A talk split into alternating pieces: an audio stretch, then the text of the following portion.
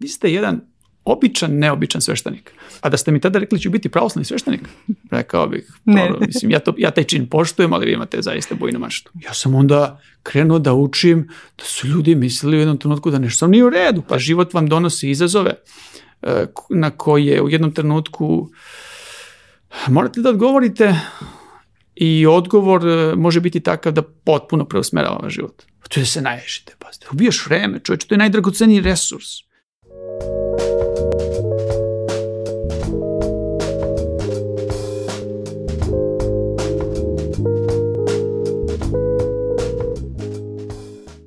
Znam da ste od mene navikli na neobične priče, ali ova fusnota priča koja sledi je zaista jedinstvena.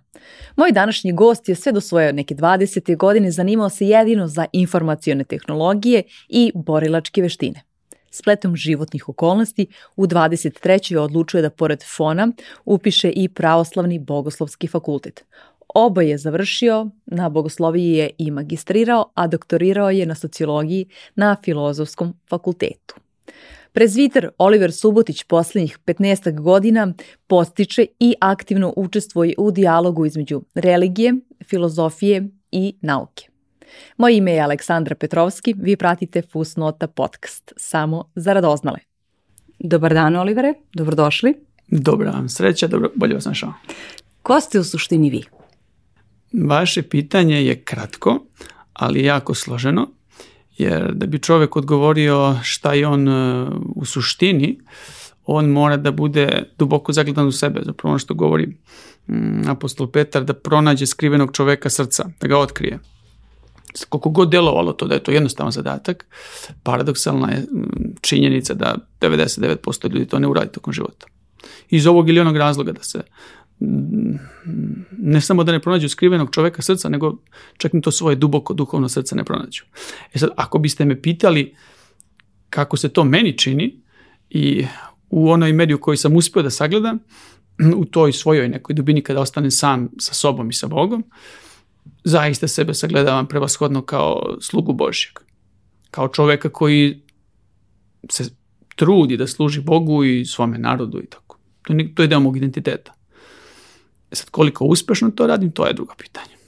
E, ono po čemu se vi e, izdvajate od e, svoje drugih reći, rekli bi se ovaj, e, nominalno kolega, ali zapravo ovaj, e, kako vi govorite to e, bra, braći po, po Hristu, je što se vi bavite nekim drugim stvarima, odnosno to su prve stvari prethodni, prethodnici da. tome, tome ovaj, nego što ste se posvetili a, religiji, a, a to je da ste trenirali borilačke vištine i bili vrlo zainteresovani za to a, i informacionim tehnologijama. E, kako je jedan momčić i mladić iz, iz Nove Varoši e, dospeo prvo a, e, do takvih a, e, interesovanja, a, e, a kasnije da, da ovaj, posle studija fona, odnosno uporedo sa studijama fona, upišete i pravoslavni bogoslovski fakultet. Pa, borilačke veštine i, i informacije tehnologije su ljubav moje mladosti. Sad ne bih mogao tačno setim kada je to krenulo. Pa vi ste još uvek mladi, tako da... Uslovno govoreći, da, relativno. O, tako je to, od ranog detinjstva sam bio zainteresovan i za jedno i za drugo. Borilačke veštine najverovatnije pod uticajem filmova, koji, hollywoodske produkcije koji su već tada bili nama dostupni ovde. I negde od osnovne škole sam krenuo trenem karate kod uh, svog rođaka, očevog zapravo rođaka, Dušana Mandića, koji je bio inženjer, što je vrlo zanimljivo. Inženjer eh, mašinstva i karatista, o, o, vrlo dobar karatista. Mm, I tu sam počeo zapravo sa, sa borilačkim veštinama mm, i sa računarskim tehnologijama sam krenuo prilično rano negde možda u trećem, četvrtom razredu osnovne škole. Za to vreme, pazite, to nije bilo uobičajeno. Danas deca već od 7-8 godina imaju tablete. To, to su je neke, kraj 80-ih. Da, da, ovo su, ne, ovo je sredina 80-ih. Da, mhm. negde, pa da, kraj 80-ih otprilike. Ja sam već tada dobio taj mm, lični računar i to me jako zainteresovalo. I tako su te dve aktivnosti uporedo išle. U principu nije me ništa drugo zanimalo, iskreno govoreći. U školi sam bio dosta dobar đak, ne najbolji, ali Vukovac, šta već, solidan matematičar, ma da kažem ne, ne onako nešto vrhunski, te me oblasti jednostavno nisu zanimale. I nije imao niko da me, pa i motiviše, iskreno govoreći, da se možda posvetim nekim drugim oblastima, sem informatike i bordarskih vještina. I tako je to teklo, tako je to išlo kroz srednju školu. Uh, E, studije, razume se, upisao sam one koji su me zanimale. Borilačke veštine sam nastavio, on sam, samo sam promenio interesovanje. Umesto karate, ja trenirao sam realni kido kod Ljube, od Beogradu.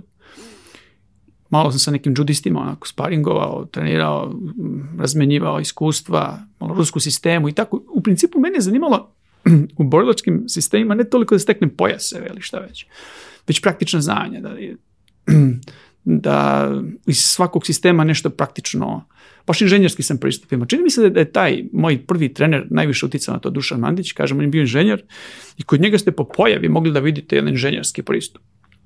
Besprekorno, čist kimono, e, pojas savijen na japanski način. On čak i kad je izvodio tehnike, ja se sećam, Maja Geri, Mavaši Geri, to je bilo pod tačno određenim uglom, on je to inženjerski objašnjava. I jako je važna uloga tih ljudi koji vas formiraju u najranijem dobu. Bilo su treneri, učitelji, ne samo, ne samo roditelji, roditelji prevashodno, razumeš. Tako da su te dve oblasti preplitale prirodno. E sad, e, u 20. godini, gde rekao bih dolazim do vrhunca jedne i druge oblasti, e, dolazi ovo treće, I da se razumemo, to nije bilo pitanje mog izbora, već e, situacije koja je zahtevala momentalan odgovor. Su bila neke iskušenja životna u kojima ljudi u 20 godina mogu da upadnu. Nikakva psihološka iskušenja, šta već, već realna iskušenja. Zapravo koja, koja, na koja možete da imate odgovor ili ne možete da imate odgovor. Ja, ih, ja ga nisam imao u to vreme. Zapravo shvatio sam da ga ne mogu imati ukoliko nešto u svom životu ne preusmerim e, temeljno i radikalno. I intuitivno sam shvatio šta je to da moraju neke stvari da se preslože, da um, na drugačiji način mora da se pristupi mnogo čemu. I tako sam krenuo. Tu sam do, do hrama Svetog Save otišao, uzeo sveto pismo, novi zavet, premda sam i ranije bio tradicionalno hrišćanski vaspitan i odrastao u porodici koja je eh, hrišćanske provenijencije, znao sam te neke stvari. Međutim, nisam bio liturgijski aktivan. Znači, bio sam, ajde da kažemo, uh, nominalni hrišćan, da, da se tako izrazimo. Koliko god da sam sebe doživljavao drugačije. I to je bio trenutak kad sam krenuo ka toj drugoj sferi. Ta iskušenja su brzo prošla, međutim ja sam umeđu vremenu upoznao to što sam, ovaj, u čemu sam tražio podršku i odgovor i tako. I ja sam se jednostavno u tome prepoznao i nastavio dalje. I kako ste sada, a, vi ste bili neobični i u jednom i u drugom i u trećem svetu možda. A, mm. ako, kad kažem treći svet, mislim na borilačke a, mhm. veštine. Pa jeste, znate šta, eh, nedavno kad sam služio jednu službu i posle propovedi prilazi jedan čovjek i kaže, vi ste jedan običan, neobičan sveštenik. I to običan, neobičan sveštenik mi se jako dopalo. To da bi stvarno mogla da bude neka sintagma koja, koja bi me izražavala, ali tako je bilo inače i, i, i ovim drugim stvarima, recimo, kada su, kažem, borilačke veštine u pitanju, volao sam, recimo, da sa predstavnicima drugih e, sistema, uslovno govoreći, razmenjujem iskustva da vidimo šta, kada dođem kod njih u klub, pa da malo sparingujemo i tako. Više sam imao neki istraživački e, pristup borilačkim e, veštinama. A opet kada, je, kada su informacijne tehnologije u pitanju, bavio se u to vreme nečim što je tek bilo u povoju, otprilike čak sam jedan priručnik za trodimenzionalno modelovanje napisao. To je napisao. prva knjiga prva zapravo. Knjiga, jest, prva knjiga, Pričat ćemo o toj eklektičnosti kasnije yes, vašeg izdavaštva. da. I, ovaj, I tu sam na neki svoj način eh, bio mm, specifičan, zanimala, zanimala me neka oblast koja većinu drugih nije zanimala. Nije me zanimalo programiranje, recimo. E, možda projektovanje informacijskih sistema, to mi je bilo ovako kreativno, ali programiranje kao tako me nikad nije zanimalo. A ovo jeste. Uh, ta, uh, ta oblast uh, trodimenzionalne animacije, vizualizacije, modelinga, to mi je bilo jako zanimljivo. I to je jako dobro išlo, da vam kažem. U to vreme čini mi se, koliko se sećam, to su krajem 90-ih i neke sam kolumne vodio iz te oblasti i tako. Kažem, sve išlo ka tome da jednog dana otvorim svoj dođo, imam svoj klub, neki eklektički sistem, neki svoj dima, i da imam svoj studio za vizualizaciju. Jeste to maštali kada ste imali nekih 25 da, da, da, da godina? Da, to, Aha. da, sad sa 19 godina kada biste me pitali ko bi, šta, šta će biti, bit će to. A da ste mi tada rekli da ću biti pravoslavni sveštenik, rekao bih, ne. Poro, mislim, ja, to, ja taj čin poštujem, ali vi imate zaista bujnu maštu. Ali vidite, nikad ne znate, život vam donosi izazove eh, na koje u jednom trenutku morate da odgovorite i odgovor e, može biti takav da potpuno preusmerava život. Mislim da je jako važno da čovek uspe da prepozna signale koji dolaze okolo. Ta, ta, ta sposobnost prepoznavanja je jako važna. Primjer radi meni dolazi dosta mladih ljudi koji se raspituju kako da, na, kako da se mole da im Bog pošalje pravu osobu za, za brak. I ja im, pogotovo muški, ovaj, kako to da urade i tako. Ja kažem, vidi, Treba da se moliš. Ali treba da se moliš Bogu i da ti da dar da prepoznaš tu osobu kad ti on će da ti to pošalje. Ali treba da je prepoznaš. Uostalom, možda je ta osoba negdje kod tebe. Ukreni se malo, levo, desno, pogledaj. E tako i ovo. Mm, uveren sam da Bog svakom čoveku šalje određene eh, poruke i priziv. I e koliko to čovek prepozna ili ne prepozna, to je druga stvar ta sposobnost prepoznavanja jako, jako zanimljiva tema. Da. E, jer, da, generalno, ovaj, kada mi, pa čak i da je možda pogre, mislim, šansa koja na kraju se neće mm -hmm. realizovati kao najpogodnije moguće, ali da, kao da, da, ovaj, da prepoznamo te pa prilike koje su oko nas. Taj trenutak, nas. Taj, ne, eh, nekad se taj, taj trenutak se čini mi se o, i ponovi nekoliko puta. Mislim da je, da je naš profesor Vlada Tirotić govorio koliko sećam na svakih 12 godina da čovek dobija po nekoj njegovoj e, po nekim njegovim istraživanjima da dobija e, ključne trenutke da nešto uradi, da nešto preokrene i tako. E, moguće da mi i karate pomoga u tome.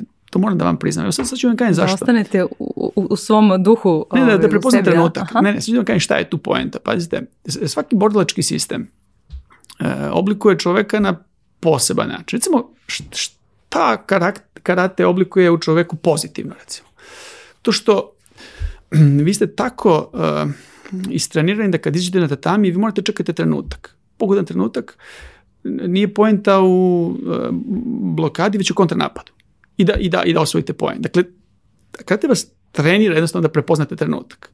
I čini mi se da mi je to pomoglo da prepoznam trenutak, jedan razumete. Međutim, karate ima jedan drugi problem, eto, da ne možemo imati samo pozitivne strane, ima i neke negativne on razvija, razvija reaktivni temperament, obično. Kod mene je to bio slučaj, kod nekih ne.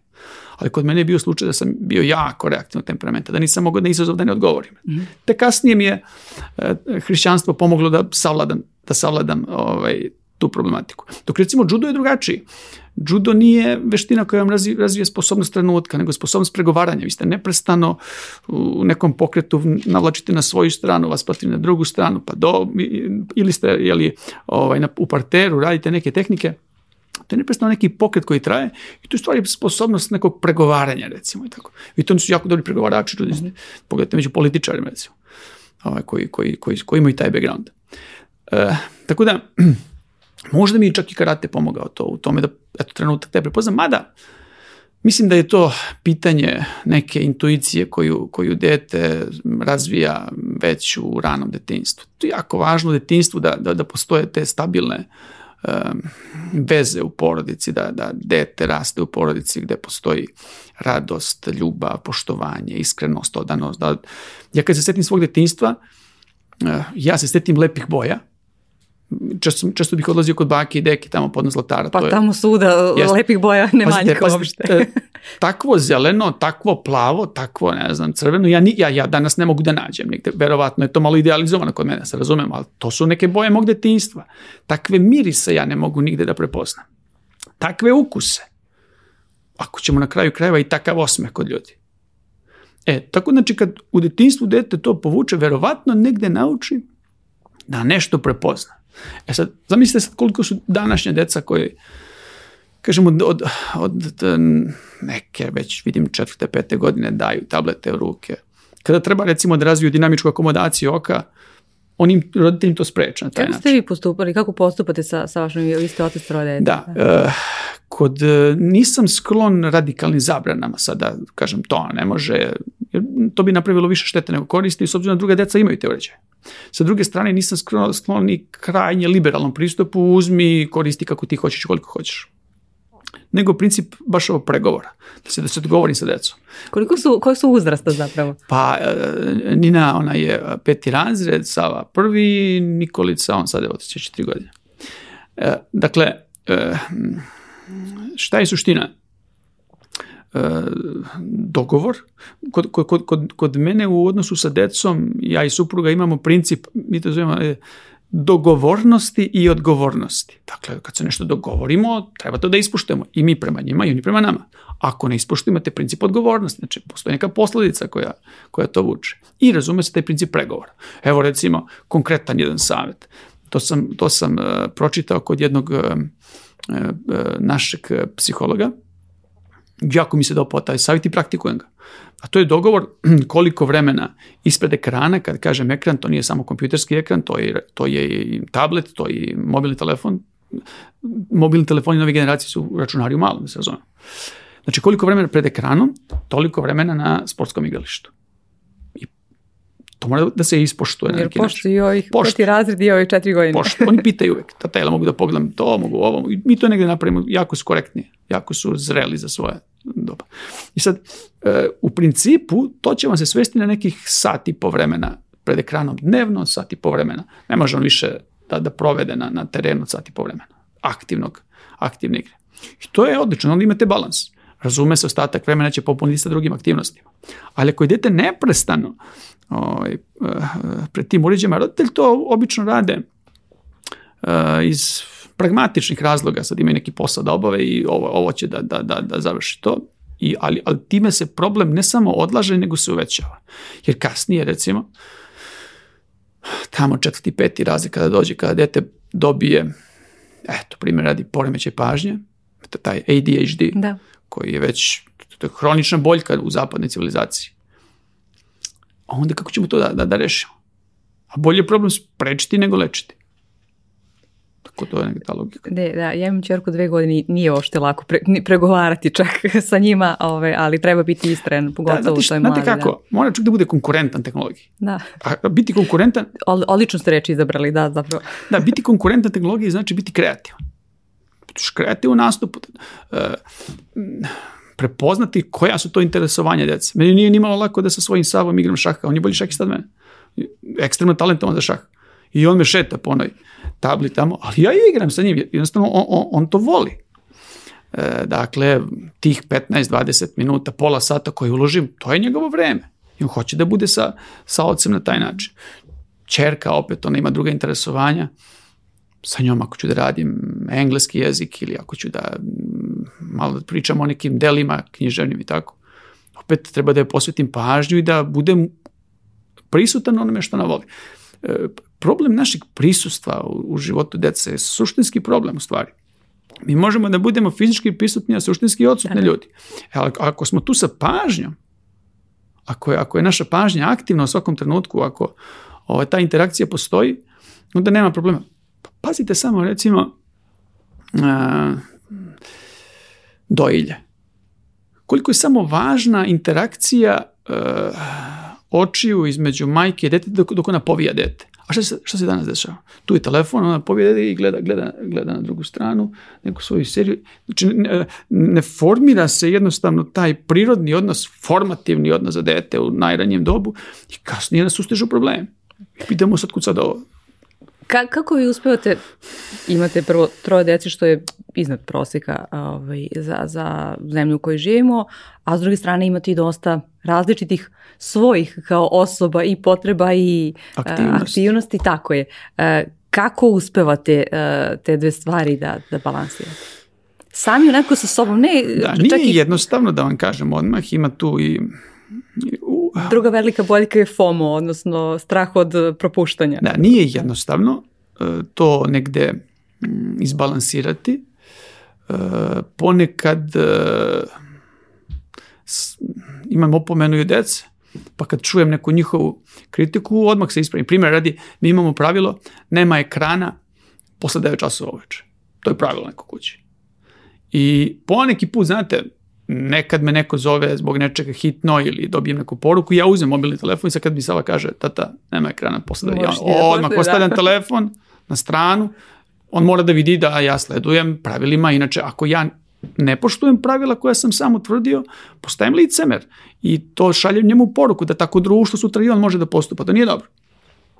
Dakle, slušam, osluškujem, ovaj, potrebe dece, a sa druge strane eh, i supruge, razume se, a sa druge strane eh, negde pokušavam da taj management vremena to tako izbalansiram, da organizujem, da mogu da uklopim stvari na najbolje mogući način eh,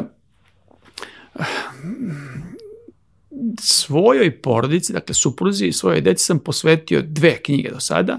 Ovu treću koju sam pisao, tamo sam stavio da ih smatram ko autorima. E, na neki način za njima tako i zahvalim. Jer, jer to vreme koje ja dobijem za pisanje, to je, nije, to je uh, upravo to vreme koje na neki način pripada njima. I to je njihova žrtva. I ja sam toga svestan i na tome sam zahvalan i pokušavam, kažem, da uh, uradim makar ono što je moguće u pogledu odvajanja konkretnog vremenskog opsega samo za njih recimo za, za decu sa dva vremena dnevno, ali to je samo njihovo vreme, niko ne može da me zove, u stvari može da me zove, ne može da me dobije. Negde na taj način se borim uh, sa, sa svim tim aktivnostima koje, koje imam. Običavam između ostalog i godišnji odmor da uvek posvetim potpuno porodici. I tu moram priznati da ne uspevam do kraja. Uh, iz kog razloga? Vrlo jednostavnog. Uh, e, pazite, da sveštenik ne može imati godišnji odmor, vi ste sveštenik uvek i ne može imati radno vreme, vi ste sveštenik kad god treba. To, to je specifično svešteničko poziv. Ali uslovno govoreći, kažem, godišnji odmor ono vreme koje je mm, po prirodi stvari odvojeno za porodicu tokom godine. Tako. Jer sveštenik je uvek čovek koji živi u, u dimenziji krsta, vertikala prema Bogu, horizontala prema, prema parohijanima, vernicima i prema porodici i to mora da se uklapa nekako. I sad taj godišnji odmor je odlična prilika da ja njima posvetim potpuno to vreme. No to ne ide tako lako. Zašto? Zato što za vreme godišnjeg odmora obično uvek imam najbolju inspiraciju da pišem. I onda se dešim mi dođemo i to krene lepo, 4-5 dana i ja onda nešto primetim i to me asocira na neku ideju, na neku temu i ja onda ovako kažem, ja čoveč, ovo će mi proći. Ja krenem što da, da pišem po nekim papirićima, a supruga to primeti. I onda kao, eto ga opet. Ali, ali i tu uspem nešto, makar nađem neko vreme dok oni spavaju, dok odmaraju, e, onda pišem, tako snađem se nekako, nađem neki, nađem neki, neki, neki modus. Ali ima tu i simpatičnih situacija tako ti papirići. Znate, ideje kad vam dođu, one dolaze tek tako, sad vi sedite i razmišljate, e, odvojite vreme za, za neke ideje. To ne ide tako. Nego jednostavno ona dođe u trenutku kada vi to ne očekujete. Vi, kao osoba koja se bavi kreativnim poslom, sami znate kako to izgleda. I onda deša, meni se mnogo puta dešava da u nekim situacijama kad obavljam neku potpuno drugu aktivnost, sine mi neka ideja, ja obavezno to po nekim papirićima pišem, to mogu da budu i računi, šta uhvatim. Samo ete. Jest, i onda to stavim negde. I to napišem tako da, a, e, takvim rukopisom, to brzo otprilike napišem da mi to ne, ne, ne ode ta ideja, napišem tako da jedino ja mogu da pročitam, to, da, to, to je kao hieroglif. Izgleda kao neki šifrar. Ma da, to, to morate da vidite. I onda tako sam ja to ovaj, godinu dana za neku temu sastavljao i stavljao na neku, tako na neku policu ovako prvi put sam tu stavio taj prvi papirić, onda sam ostavio druge papiriće, tako tu. I onda sam se preselio u drugi stan i ja tražim uh, sve te svoje stvari, kažem, gde su mi mene beleške? Kaže, koje beleške? Kaže, zubu. Po pa, moje beleške za novu knjigu. ona kaže, to su bile beleške. da, to su bile beleške. I tako, to je negde otišlo, razumete, sa svim papirićima i tako dalje. E, nije mi bilo jednostavno u trenutku, ali nisam imao pravo da se ljutim na nju. To je bila moja greška, se razumem. Znači, ako, možda sam da razmišljam, u redu selimo se, to će biti identifikovano kao nešto suvišno i otiće tamo gde, gde ne treba. Čekajte, Tako da, je li ta kriga na kraju uh, i objavljena? nije još uvijek. Nije, nije još Ali ste dozvali misli. Da, dozvalo sam misli. Trebalo mi malo vremena. Možda ne sve, ali, bože moj ja sad drugačiji na, na drugačiji način organizujete drugači, beleške. Na drugači, na drugači. Naučili ste lekciju. Pa pazite jednu stvar, ako mogu, ako, ako mogu da izdvojim neku osobinu koja mi je puno pomogla u životu. To je upravo to što sam, nisam se nikad stideo ni plašio da priznam svoju grešku. I da je prepoznam i da dam sve od sebe da ispravim. To je nešto što mi jako pomaže. Obično kažem ljudima koji čitaju tako knjige koje pišem, ako negde primete slučajno negde nešto, pa kažu ovo mi je nešto čudno, otkud sad ovo, neka pogledaju da li je sledeće izdanje knjige izašlo. Najverovatnije sam, ako sam primetio tu grešku da sam ispravio. Dakle, nije strašno grešiti, nije strašno pogrešiti, strašno je u toj, greš, u, u, u toj greški istrajavati njoj ostati. Iz bilo kog razloga. Ako se ona prepozna, to čovjek treba da gleda što pre, da ispravi i ide da napred. E, pri čemu treba da vodi računa da ne ponavlja identične greške. Dakle, postoji jedna poslovica koja kaže samo se budala sapinje dva puta o isti kamen. Dakle, morat ćete se sapeti u neki drugi. Ali baš je taj jedan isti, to baš nije toliko pametno. E, Koliko je, ono što je meni jako interesantno u vezi sa vama, e, malo pre ste e, govoreći i o vašem zanimanju za informacijne tehnologije rekli da su se uglavnom zanimale neke, neka polja koja nisu toliko opšte popularna mm -hmm. i slično.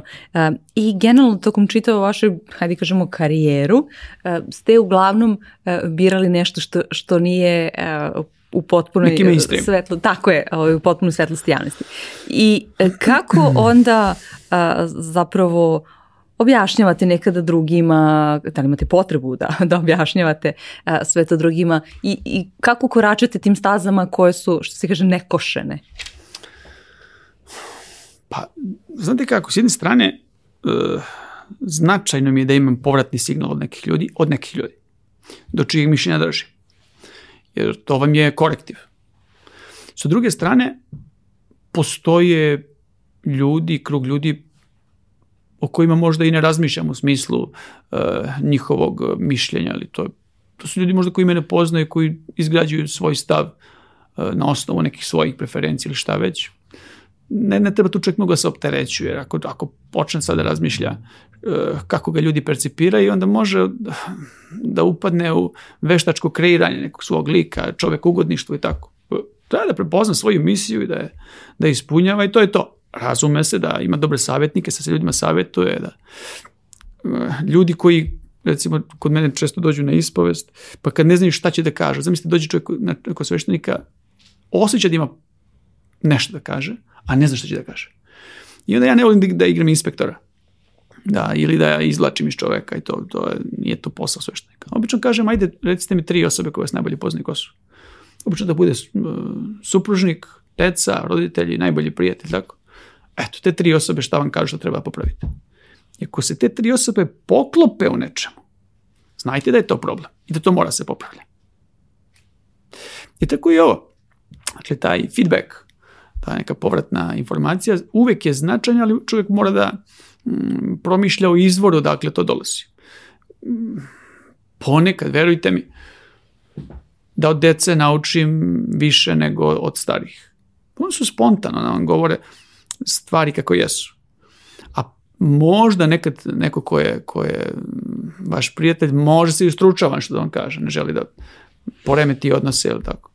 Ali generalno, što vam je neko bolji prijatelj, što vam više dobro želi, on će vam govoriti istinu.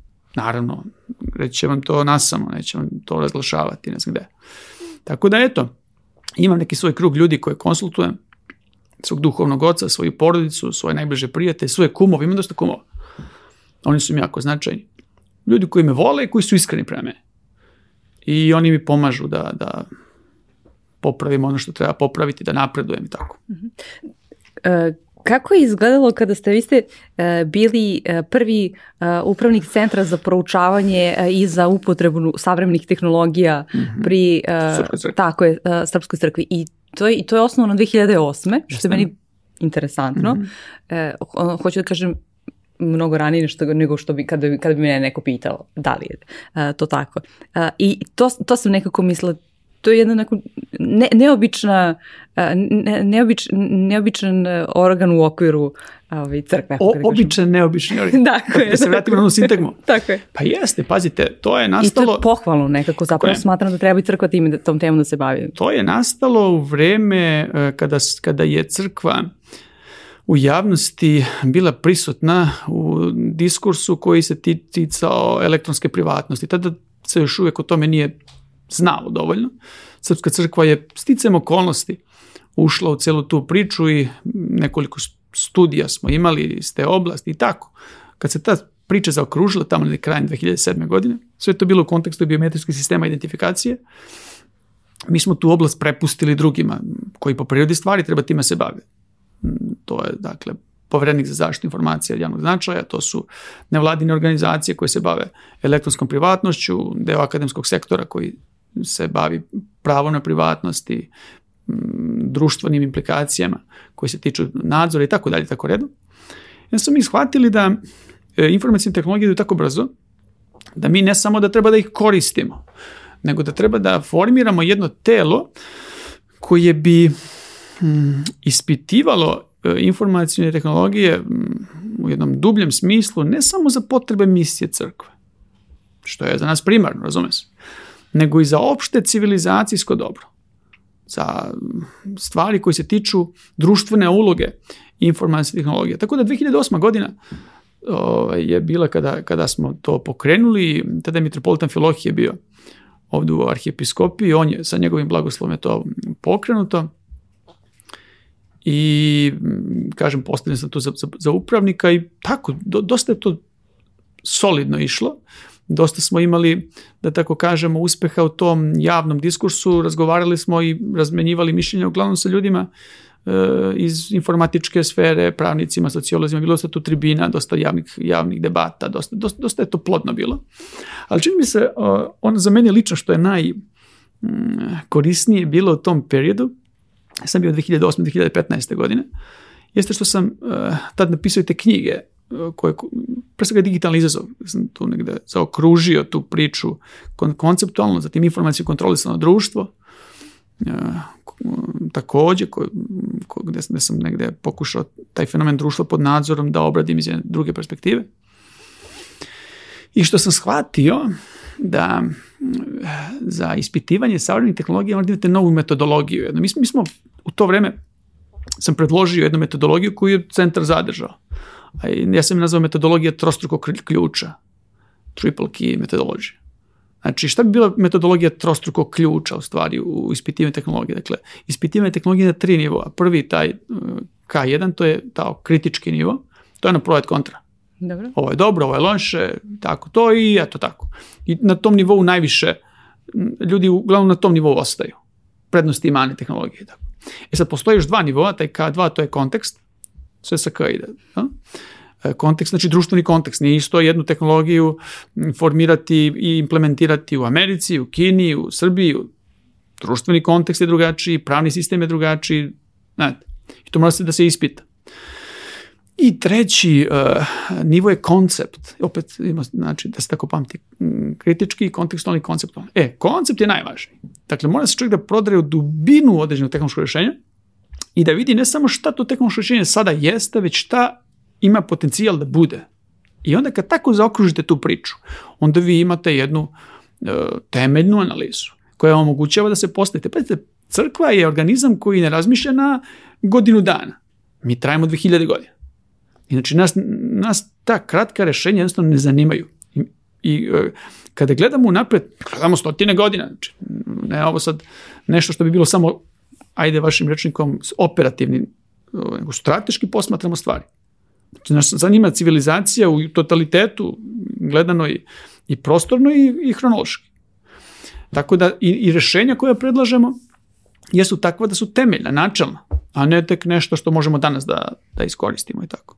E, kako vas kao, kao čoveka e, u društvenom okruženju koje ne razmišlja ni naredne dva, tri meseca, a, e, ka, kako vas kao, kažem, kao čoveka uspevate da se nekako izmestite odatle, bez obzira što uh, je crkva sredina sama takva kao, kao po sebi koja to zahteva, to strateško razmišljanje, a a s druge strane imajući u vidu da vi nekako postavljate temelje na neki način nečega što je toliko dugoročno i što će ovaj, pre, prevazići i vaš ovozemljski život. Pa znate kako, ja nešto iskreno i mnogo ne razmišljam o tome. Ni u jednom ni drugom. ne. Ako prepoznam nešto da treba da se uradi, jednostavno to uradim u čemu god da je, da je znači ako, ako osetim, dakle da, da određena stvar e, zahteva mm, observaciju i reakciju i sve, jednostavno to uradim. E, razume se, savjetovanje sa ljudima koji su stručni iz određene oblasti se podrazumeva, ali nije dominantan faktor odlučivanja. Rečeno rečnikom ovoga sveta, najčešće intuicijom uh, uh, rešavam stvari. Osetim jednostavno u trenutku da je ovo potrebno ili ono i reagujem, krenem i tako. Mislim da je jako važno da čovek uh, ima u sebi izgrađenu misionarsku svest. Kad kažem misionarsku svest, to nije samo za nas sveštenike, da, Jasno, svaki srčki da. misionar, nego svaki čovjek ima misiju, pazite imate svoju misiju, vaš snimatelj ima svoju, ja imam svoju. Svako ima neku, svakog, svakog čoveka Bog je stvorio da ispuni određenu ovozemaljsku misiju. I čovjek treba da prepozna taj talent i da radi na tom. Da učini sve da tu misiju ispuni. I ja obično o, ljudima e, kao primjer navodim Nikolu Teslu. Svi će reći, ja, to on je čovek koji je ispunio veliki cilj. I zaista jeste. Ali zaboravljaju na njegove roditelje. Da nije bilo njih, ne bi bilo ni njega. Misija e, njegove majke, Georgine Tesla, bila nepismena žena. Bila genijalna. Samo napamet gorski vijenac.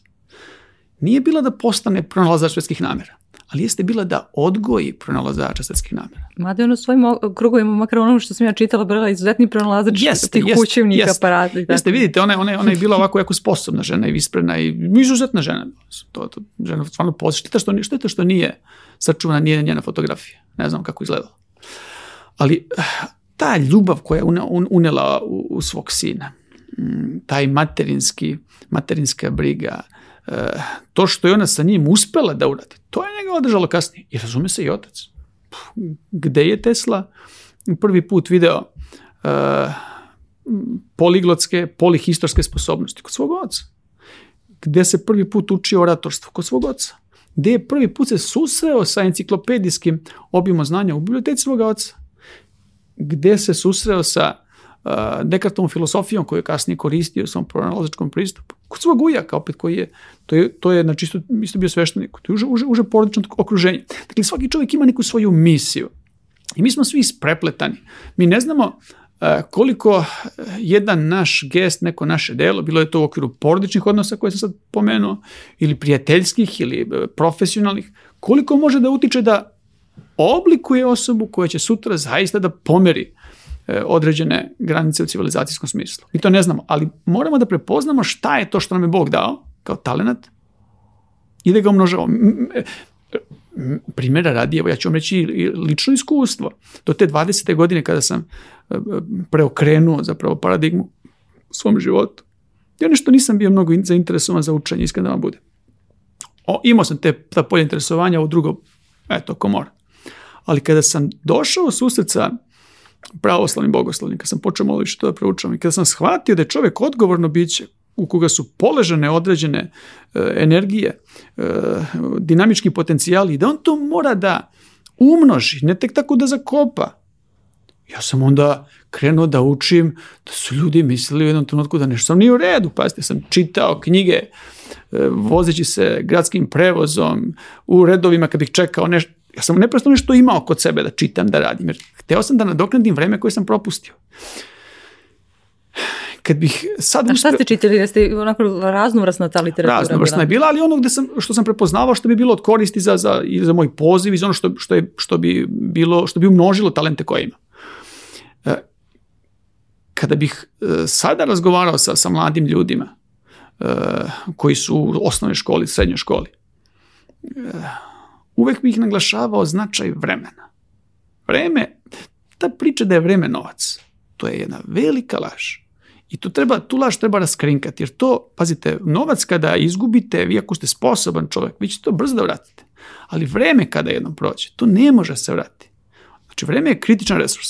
I mlade ljude moramo da motivišemo. to vreme koje im je dato, kada su u naponu, kada su do te 25. godine, da usvajaju znanja, da rade na sebi, da, da u svoj psihofizički potencijal razviju do kraja. A to moraju da urade profesori. Moraju da da unesu te mlade ljude ne samo znanje, nego entuzijazam, da ih pokrenu, da ih daju motiv. Ja sam imao nekoliko takvih profesora u srednjoj školi gde sam mogao možda da, da iskoristim ne samo njihovo znanje, nego i njihov polet, ali iz nekog razloga nisam to uspeo. Ali verovatno postoji, kažem, ovaj, verovatno postoji pristup, metod kako je to moguće uraditi. Ali s druge strane vi ste i bili e, u, u, u toj poziciji, jedno vreme ste bili veroučitelj u devetoj gimnaziji i krajem studija ste tako bili saradnik, stručni saradnik u nastavi na u višnoj elektrotehničkoj yes, školi. Yes. Na, na, na elektrotehničkoj školi sam predavao kompjutersku animaciju, kompjutersku grafiku, a u devetoj Beogradskoj gimnaziji... Tada ste već bili zrelija osoba i verovatno ste imali ovakav isti pogled tako ta, to je, vreme. Da. vidite, recimo, Kako ste tada postupali, to me odlično, zanima. Odlično pitanje, sjajno pitanje.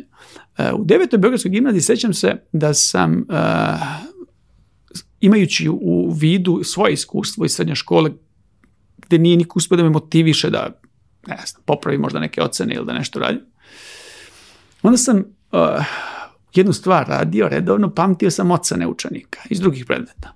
I sad vidim da ne... Tada kad ste bili u detoj gimnaziji, da. da. vidim Petar Petrović ima dvojku iz matematike. A znam da je pametan dečko. I onda ga ja sretnem negde na stepeništu i kažem da ovo Petrović, ta, ta dvojka, u redu, nemam ništa protiv, ali ja znam da ti imaš potencijal za više. I znam da je za tebe dobro da, da, da radiš na tome, ali dobro, kako ti hoćeš.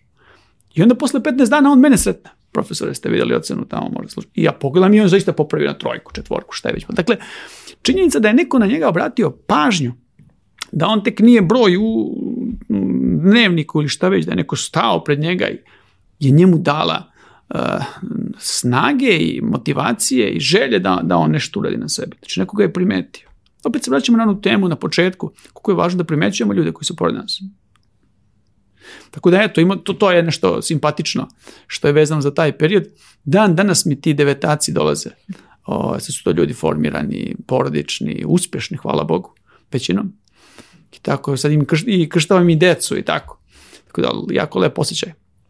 Ali mislim da je tu negde uh, zadatak uh, savremenih eh, nastavnika, profesora, mm, da deci damo motivaciju, da, da, ih, da ih pokrenemo, da, da ih oduševimo za, za, za rad na sebi, za, za učenje, za, za, za korišćenje vremena na pravi, na pravi način. To je negdje zadatak. Mislim da je to moguće, zaista. Kako vi balansirate između E, čoveka. Spomenuli ste malo pre, između ostalog, e, i, i Nikolu Teslu, spomenuli ste malo pre a, e, vaše angažovanje u oblasti informacijnih tehnologija a, i, i spregi, hajde da, da kažemo veze bilo kakve ovaj, gode da on ima sa, sa, sa crkom. Um, vi ste s jedne strane sveštenik, a s druge strane ste inženjer, odnosno ovaj, radite i, i naučno istraživanje. Uh, I nekada te dve strane mo mogu da budu suprotstavljene. Kako vi mirite ili balansirate ne. Da. ta dva poziva vaše ili kako ih vi formulišete uopšte? E, Trudim se da postavim prioritet stvari. Dakle, ja sam pre svega sveštenik. Uloga sveštenika je da ste se moli Bogu. Da se moli Bogu za sebe i za narod Boži. Ukoliko bi neka aktivnost e, taj molitve, tu molitvenu sferu opteretila, onda sam spreman tu aktivnost jednostavno ovaj, prekinem. A ukoliko ja mogu da je uklopim sa tom, sa tom aktivnošću, onda to meni na neki način pričinjava i zadovoljstvo. Pazite, to vas, na neki, to vas negde i opusti. Jako je važno da čovjek ima dinamiku u životu. Kako je vi postižete? Sad ću da vam kažem, vrlo jednostavno. Dakle, dakle, ta molitvena sfera, to je osnov mog života. Ne, sve svešt, ako sveštenik ne voli da se moli, pa to je, to je pakao. Ako čovjek voli da se moli, sveštenička služba je nešto najlepše što može čovjek da ima. Dakle, e, ali van toga, ne može, van toga čovek eh, ima potrebu i za eh, angažovanjem i intelekta i svega drugog. Ja obično kažem kada ovaj, tokom dana eh, imam kada, kada, kada nisam na, u molitvi, kada bilo da ne služim u crkvi ili da neku molitvu za, za vernik ili svoju ličnu molitvu napravili ili šta god, volim to da popunjavam, taj management vremena, volim da popunjavam sa različitim aktivnostima. Recimo sad kod mene kući uvek, to supruzi dan danas nije jasno, zašto uvek ima 20 knjiga otvoreno. Jer jednostavno ja uhvatim prvu koja mi se dopadne u tom trenutku i čitam, čitam, čitam, čitam i kad osetim da mi više to ne ispunjava, ostavim uzmem sledeću. Znači, volim tako recimo da čitam desetak, dvadeset različitih knjiga uporedo. Pa onda kad mi se više knjige ne čitaju jednostavno, onda uzmem pa neki strani jezik učim.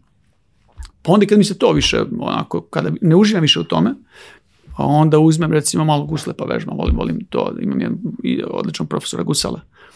Ovaj, pa nešto, nešto tu pokušavam da napravim, pa onda malo se poigram sa decom, pa malo. Ovaj, neprestano unosim dinamiku koja mi pričinjava zadovoljstvo. Pazite, ne znam da li ste čitali možda uh, knjigu uh, o ženi koja se zove, uh, koja se zvala Katolomb. Kato, Katolomb, obavezno naćete tu knjigu. U stvari, Uzmite njenu knjigu. Knjiga se zove How I Learned Languages. Imate u PDF formatu, možete da je preuzmete. Kato Lomb bila najverovatnije najveći poliglota svih vremena. Živelo ono vreme kada niste imali računarske aplikacije koje mogu sada da vam pomognu da ne znam koliko jezika naučite. Ne, 17 jezika se savladalo. 17 jezika, znači bila je uh, prevodilac simultani. Mislim čak i da je za mađarsku vladu da je radila tako to, to. Sa što je zanimljivo kod nje bilo? Kad pročitate njen metod kako je naradila, on ima specifičan metod kao autologija, autoleksija, autografija, ali pored toga kad pogledate šta je specifično kod nje, kako je ona uspjela toliko jezika da nauči. Ona je govorila stalno ovako, znači morate da imate motiv da učite jezik. Drugim rečima rečeno zašto ga radite, zašto to, neku, neku smislenu, smisleni cilj da imate. Morate da zavolite nešto iz kulture, jezik koji, koji učite. Nešto da zavolite od, od tih ljudi. Morate da imate jasan okvir termina koje učite. Sad, ako sam ja sveštenik, ja ću učiti najviše te termine koji se tiču teologije i tako dalje. I što je vrlo važno, ovaj, četiri, to mora da vam pričinjava zadovoljstvo. Mm, ne, ne, ta aktivnost ne smije, da, ne smije da bude nešto što vam unosi ovaj, teskobu i da kažete, uf, sad moram da učim jezike. Ne, E tako i ovo. Dakle, sve te aktivnosti, eh, sva ta multidisciplinarnost, ukoliko vam pričinjava zadovoljstvo, taj istraživački postupak i sve, to činite. Ako ne, zašto biste se mučili? Da. I to mi je, da, zato što mnogi ljudi, htjela sam da vas pitam, sačekala sam da, da samo završite, e, kada ostavite tu neku knjigu, mm -hmm. imate onda kao grižu savjesti, ja, pa ja sam ovu knjigu pročitao samo do pola, pa kakav sam ja, ne, ne, se svaka, svaka knjiga je pročitana do kraja. Ali znači ja ih čitam... Ali u tom trenutku kao možda ja treba ovo sad brzo da završim. Ne, ne, ne, ne, tom poslu. Jednostavno onako kako osjećam, kako to u tom trenutku. Druga je stvar ako imate neki projekat ili nešto konkretno što morate da završiti. Razume se, posvećite se tome, prelazite tu knjigu kao recimo kada pišete sami knjigu na osnovu nekih ovaj, izvora i tako, podrazumeva se da vi morate linearno to da radite. To se podrazumeva.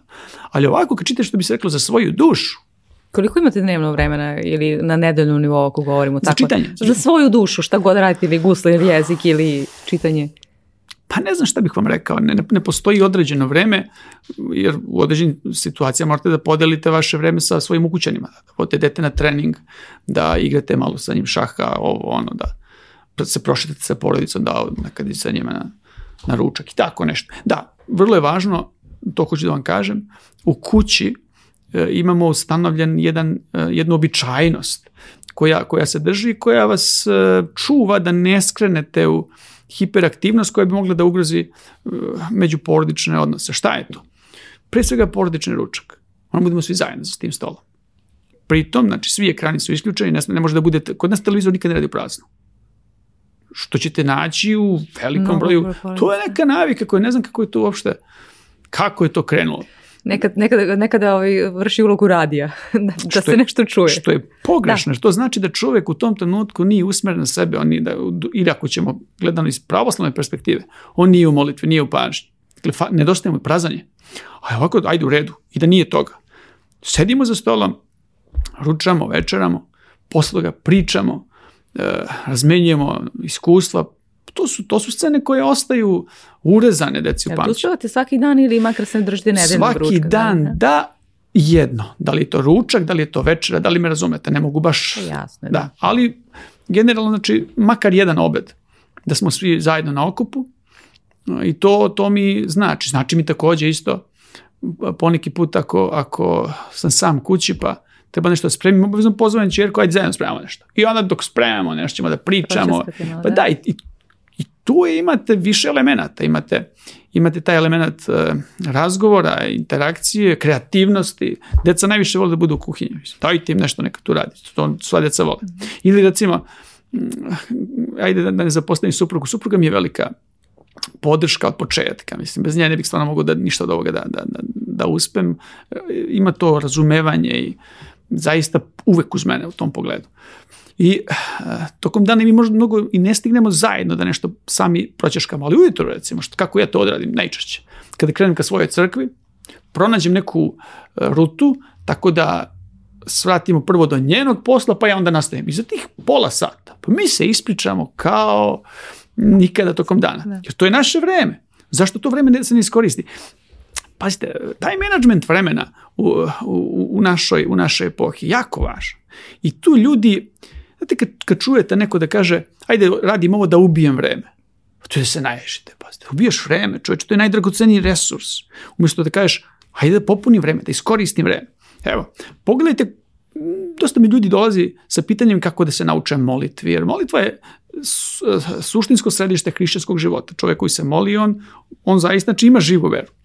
I sad, obično im kažem, dobro, koliko ste često u prevozu? koliko ste često uh, u nekim redovima pred šalterima i tako. Eto imate vremena, dnevno da ćete sat i po vremena da nakupite za molitvu. Iskoriste to vreme, a tad, tad su ljudi najnervozniji. Pogledajte kakvi su ljudi ispred šaltera. Svako gleda nešto tu, pa uzdišu, pa ne znam.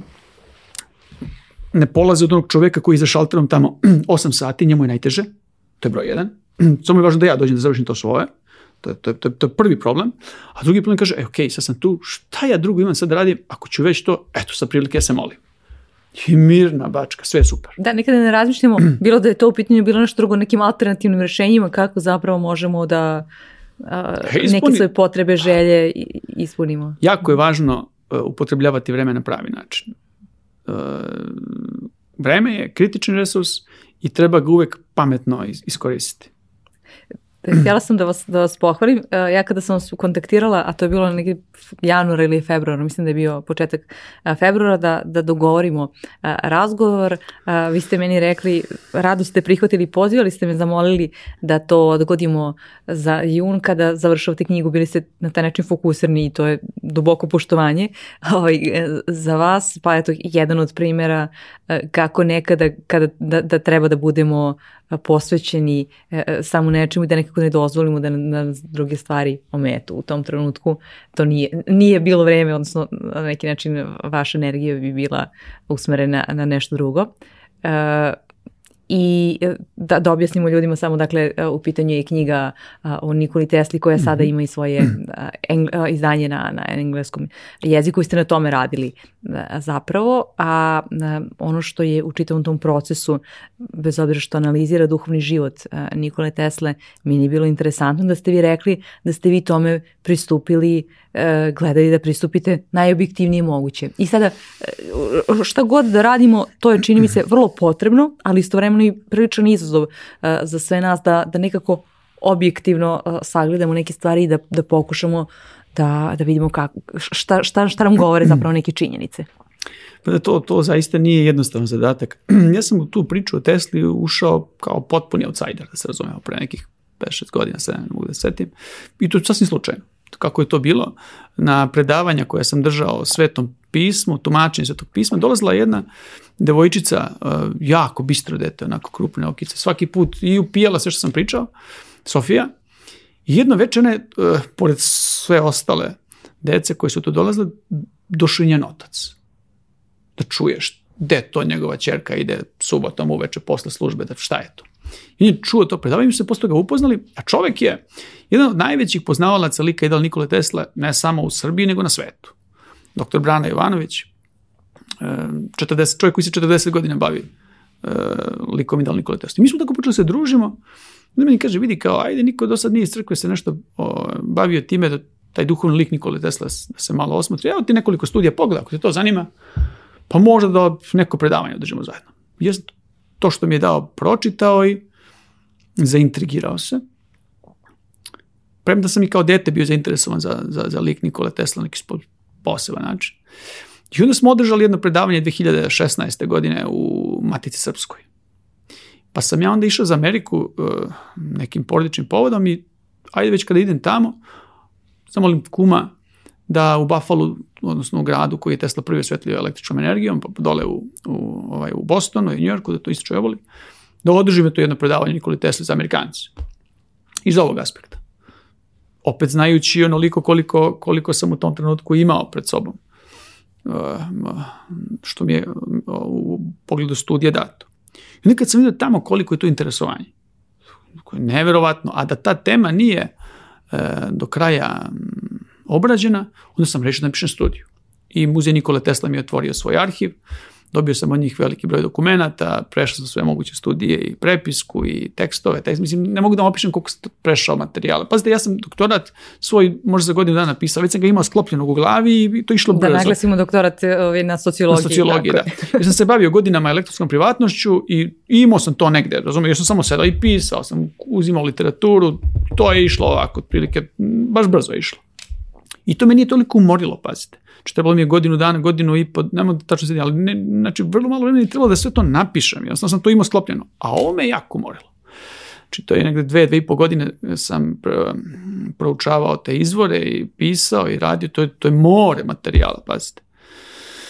I ono što sam uradio i to je vrh ledenog brega. Tek treba da se formira jedna, jedan ozbiljan tim ljudi koji će to da proučava.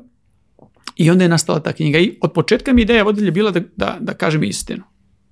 Možda u nekim trenucima ta istina me oduševljavala. U nekim trenucima istina o njemu možda je razočarala. U nekim trenucima mi je bila ono što sam očekivao, razumete? Ali sam i govorio stalno. Nisam, nisam uh, želeo da napišem nešto bi bilo neko, neka navlačenje, neke teze. Pritom, jasno sam razvorio činjenice od interpretacije. Dakle, kada čovek čita knjigu, To je činjenično stanje, pustim Teslu da govori, pa onda ako je moj osvrt, jasno se da je moj osvrt. U fusnotama sam obično, ja, sam, ja se povukao u fusnote, u, u, u ime vašeg podcasta. Ja sam negde u fusnotama govorio. E, ovaj stav Tesla iznosi po mom mišlju zbog toga, toga, toga, toga ili na ovaj način, zato, zato i tako dalje. Tako da čovjek tačno može da oseti šta je e, činjenica, a šta je neki moj osvrt. I to mi je bila ideja vodilja, se razumemo. Tako da, eto, sama knjiga pokriva više tema, to je eh, tema temu tesnog porekla i uticaja njegovog porodičnog, šireg porodičnog okruženja na formiranje njegove ličnosti, temu njegovih religijskih, filosofskih stavova, njegove etike, društvene odgovornosti, patriotizma, mm, specifičnosti i osobenosti, nekako osoben ti bio. Tako da, eto, knjiga je, Bogu hvala, završena pre godinu dana izašla srpsko, srpsko, srpska verzija knjige je izašla, sada radimo to englesko, englesku verziju knjige. Vi kada ste me zvali, bazični prevod je bio gotov, sad imamo drugu fazu prevoda, mora da prođe redakturu, pa onda dopune, pošto drugo izdanje, to englesko izdanje, će biti dopunjeno izdanje, biće potpuno novo izdanje stvari. Tako da tu ima puno posla. Eto, uz Božju pomoć nadam se da, da, da, da ćemo i to završiti kako treba. Da. E, to nije jedini način na koji se, da kažem, na koji vas možda Tesla inspirisao. Mm -hmm. uh, vi ste jedan od osnivača uh, eh, zadužbene, ili tako, Petra Mandić, koji je uh, ne taj Petar Mandić, ali da, ovaj, hajde da vi u stvari da. bolje objasnite tu priču. Da. Meni, u celoj priči o Tesli najlepši, naj, kako bih rekao, veličanstveniji bio taj deo njegovom poreklu. Ja sam bio oduševljen njegovim predsima. I ocem, i majkom, i dedom, i ujakom, i svom tom, svim tim porodičnim okruženjem. I onda sam o, prvo odlučio da o, prihod od knjige ide u dobrotvorne svrhe. Imao sam svog o, pokrovitelja knjige koju sam upoznao na jedan Najverovatan način. To, je, to već može da bude tema posebne emisije, to nećemo sad da otvaramo. To, to, to je filmska... Ako znate neko producenta, pošaljite ga kod mene. Dobro, dajte nam samo teaser u jednoj rečenici, nemojte sad nas ostavljati ovako, pa posle da. neku širu pa, priču pa ostavite. Pa, pazite, pre recimo, svi vam kada je to bilo, pre deseta godina, imao sam automobilski sudar sa, sa, sa njegovom čerkom. Ona me zapravo zakačila automobilom i tako mi smo počeli da tu priču kao ajde doći će otac, otac je došao, a ja sam umeđu vremenu video da neki kao bokserske rukavice stoje tamo na retrovizoru, pitam trener boličke veštine, da, sjajan mi u priču, otac došao i ispostavi se čak i da smo gotovo iz istog kraja poreklom i tako, ajde lako ćemo, ovo ćemo popraviti taj, taj branik i sve to, ajde mi da se družimo I tako je dokrenulo. Mislim, ali priča je znatno šira, kažem. Sad sam samo dao nekoliko, nekoliko ovaj, svaka, nevjero, svakako neka, neka, neka, neka božja onako. Kako ste krenuli sa tim bokserskim rukavicama?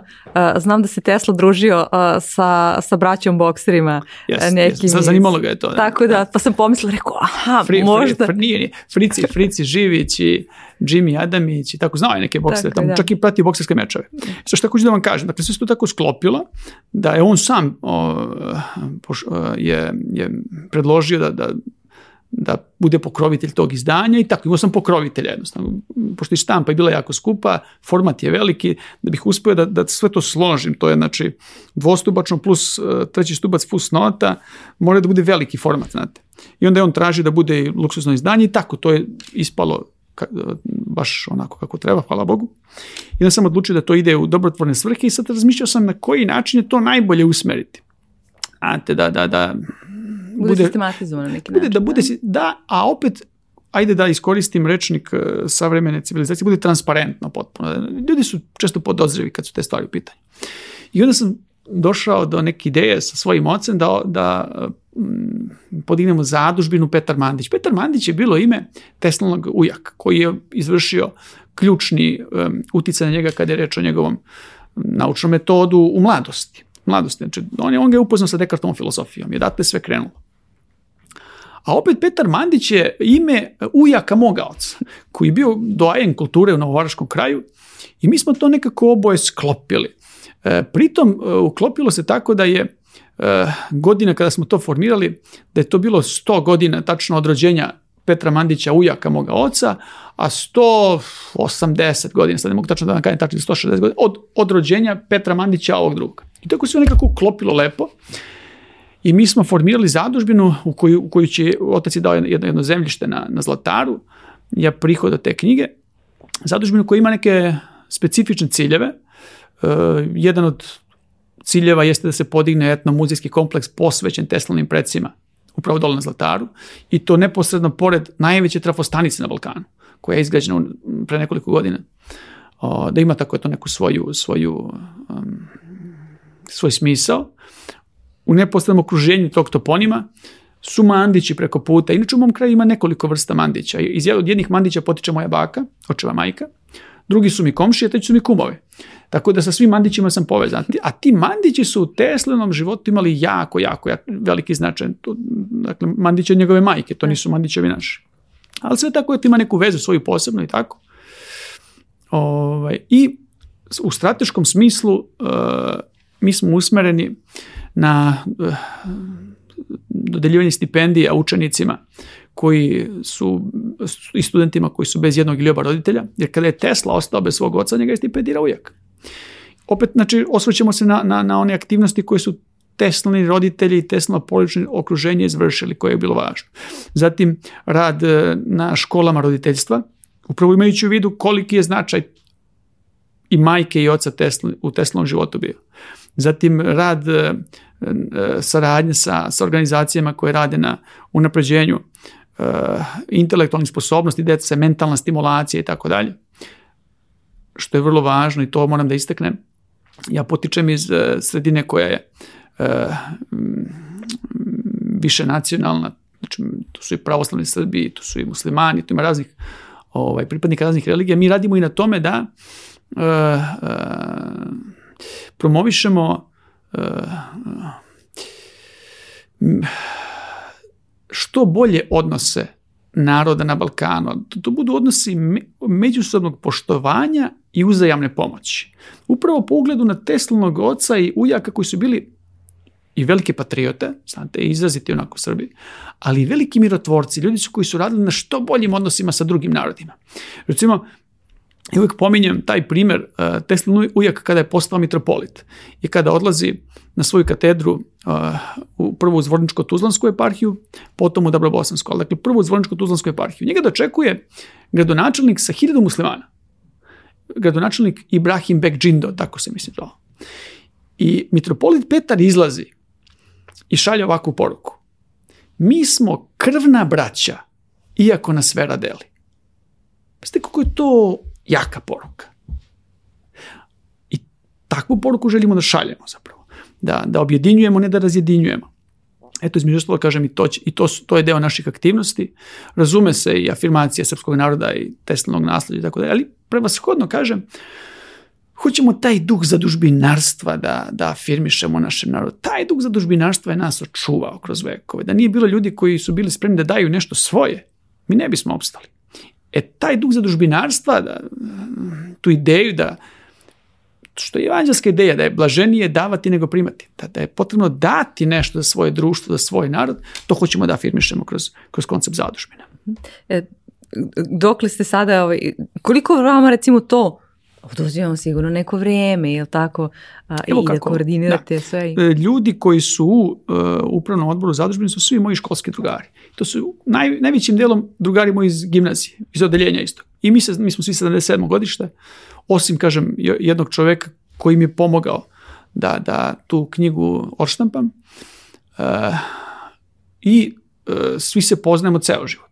I u tom upravnom odboru su uloge podeljene na neki način, ko šta radi, kako, zbog čega i tako. Pa sad neko je zadužen za taj neki pravni okvir, neko je zadužen za dobijanje ne znam, raznih dozvola, neko za e, mm, oko sajta radi i tako dalje. Još uvek smo mi na početku, sve to u nekom povoju ove godine, Bože zdravlja, ćemo prvu stipendiju da dodelimo i pokrenuli smo taj rad, arhitektonski plan tog projekta, kako bi to trebalo da bude u, što se tiče etnomuzijskog kompleksa. Kažem, dode, e, rad, takođe e, u saradnji sa nekim našim prijateljima koji se bave, recimo, sa doktorom Ranko Rajevićem, sa, sa Vlajkom e, Panovićem. Učenje, da. da. da te škole roditeljstva, kursevi mentalne stimulacije. Tako, imamo saradnju, sa, već, već je ta saradnja krenula. Ali nam treba malo vremena da se uigramo, da, da se uhodamo, svaki početak je težak, to je, mislim, je logično, ali to ide nekom predviđenom dinamikom. Tako da, eto, ove godine imamo konkretne neke stvari koje, koje ćemo da radimo. Mnogo lepo, zato što ste sta spomenuli da, da su u pitanju vaši drugovi uh, iz gimnazije i nekad zaboravimo, nekako, juče sam pod utiskom, uh, bila sam na, predavala uh, na, na fakultetu jednom uh, i upravo sam mi to rekla, vi ne znate gde, da ovde stvari vi gradite svoje mreže koje će vam jako puno značiti u budućnosti i jer tu se stvaraju baš odnosi koji, koji uglavnom mogu da budu jako kvalitetni u budućnosti. Dakle, tako da je, tako bez obzira što vi dugo godine živite u Beogradu, ne znam kakav je slučaj sa, sa ostalima. Svi smo a, došli 96. godine. Da, da Na studije, da. Jasno, znači pre 25 godina, 26, ili tako? Na studije i tako. I većina nas su inženjeri uglavnom. Mhm. Uglavnom su inženjeri. Naravno, ima, ima, ima i ljudi koji su druge vokacije, ali uglavnom ima, ima pravnika, ima ekonomista, ali uglavnom inženjer. I što je vrlo zanimljivo, svi se družimo danas. Uh, idemo na Svetu Goru zajedno. Uh, tako okupljamo se. Što znači da je to odeljenje zaista vredilo. Da li je sada ta zadužbina, e, sećate se malo pre, ste mi rekli da ste sa nekih 19-20 godina zamišljali kako ćete imati uh, svoj uh, krug, borilačkih veština uh, i studio, da li je u stvari sada ta zadužbina uh, na neki način ono što ste vi zamišljali da, da imate? Pa, iskreno govoreći nisam razmišljao u tom smeru, možda, možda čak i podsvesno je da, da je to odlesak neke želje iz, iz detinjstva, moguće, Sasvim moguće. Ali ono što je vama tada to predstavljalo da, da je sa, danas... Sa, sasvim moguće. Sasvim moguće. Tako da, eto, vidjet ćemo, ideja je uh, takva da ima sasvim dovoljnu konceptualnu širinu da obuhvati mnogo toga. Za početak smo ovako krenuli pa ćemo vidjeti. Idemo, što kažu, polako pa... Da. Hvala e, veliko na ovom razgovoru. Ja sam mnogo toga e, naučila i e, posebno možda mi je bila zanimljiva ovoj lekciji iz borličkih vještina kako se one reflektuju. Nikada nisam tako recimo ovaj, to posmatrala, kao što ste vi rekli da vas je nešto kod Tesle ovaj, posebno oduševilo, da vam je baš bilo novo da, ne, da ste nešto znali meni ovo bilo naj, uh, najinteresantnije i uz mnogo praktičnih saveta koje sam uh, dobila od vas. Um, bez obzira što i jeste donekle spomenuli u odgovoru uh, i tokom ovog našeg razgovora, ali za kraj uvek volim uh, da pitam svoje sagovornike bez kog to znanja ili veštine uh, vi ne biste bili ova osoba sa kom ja danas razgovaram.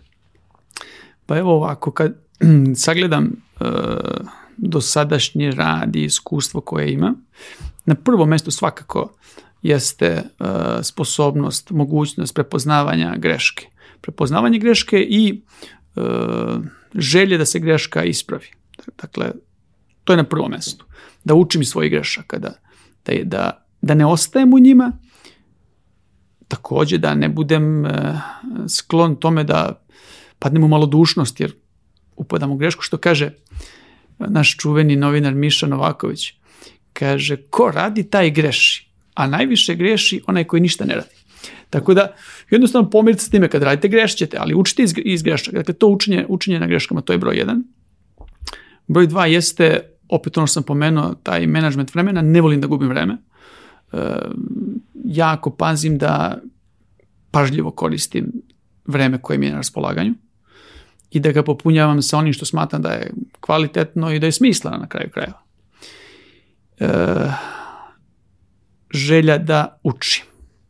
Želja da učim, da se usavršavam stalno, da, a, kako bih rekao, radim na sebi, uz pomoć drugih i tako. I čini mi se taj osjećaj da a, e, svaki čovek, pa i ja, ima svoju misiju da treba da je izvrši. Eto, to su neke stvari koje, me, koje su mi vodilje, koje, me, koje su mi pomogli u životu. Hvala vam veliko. Hvala vama.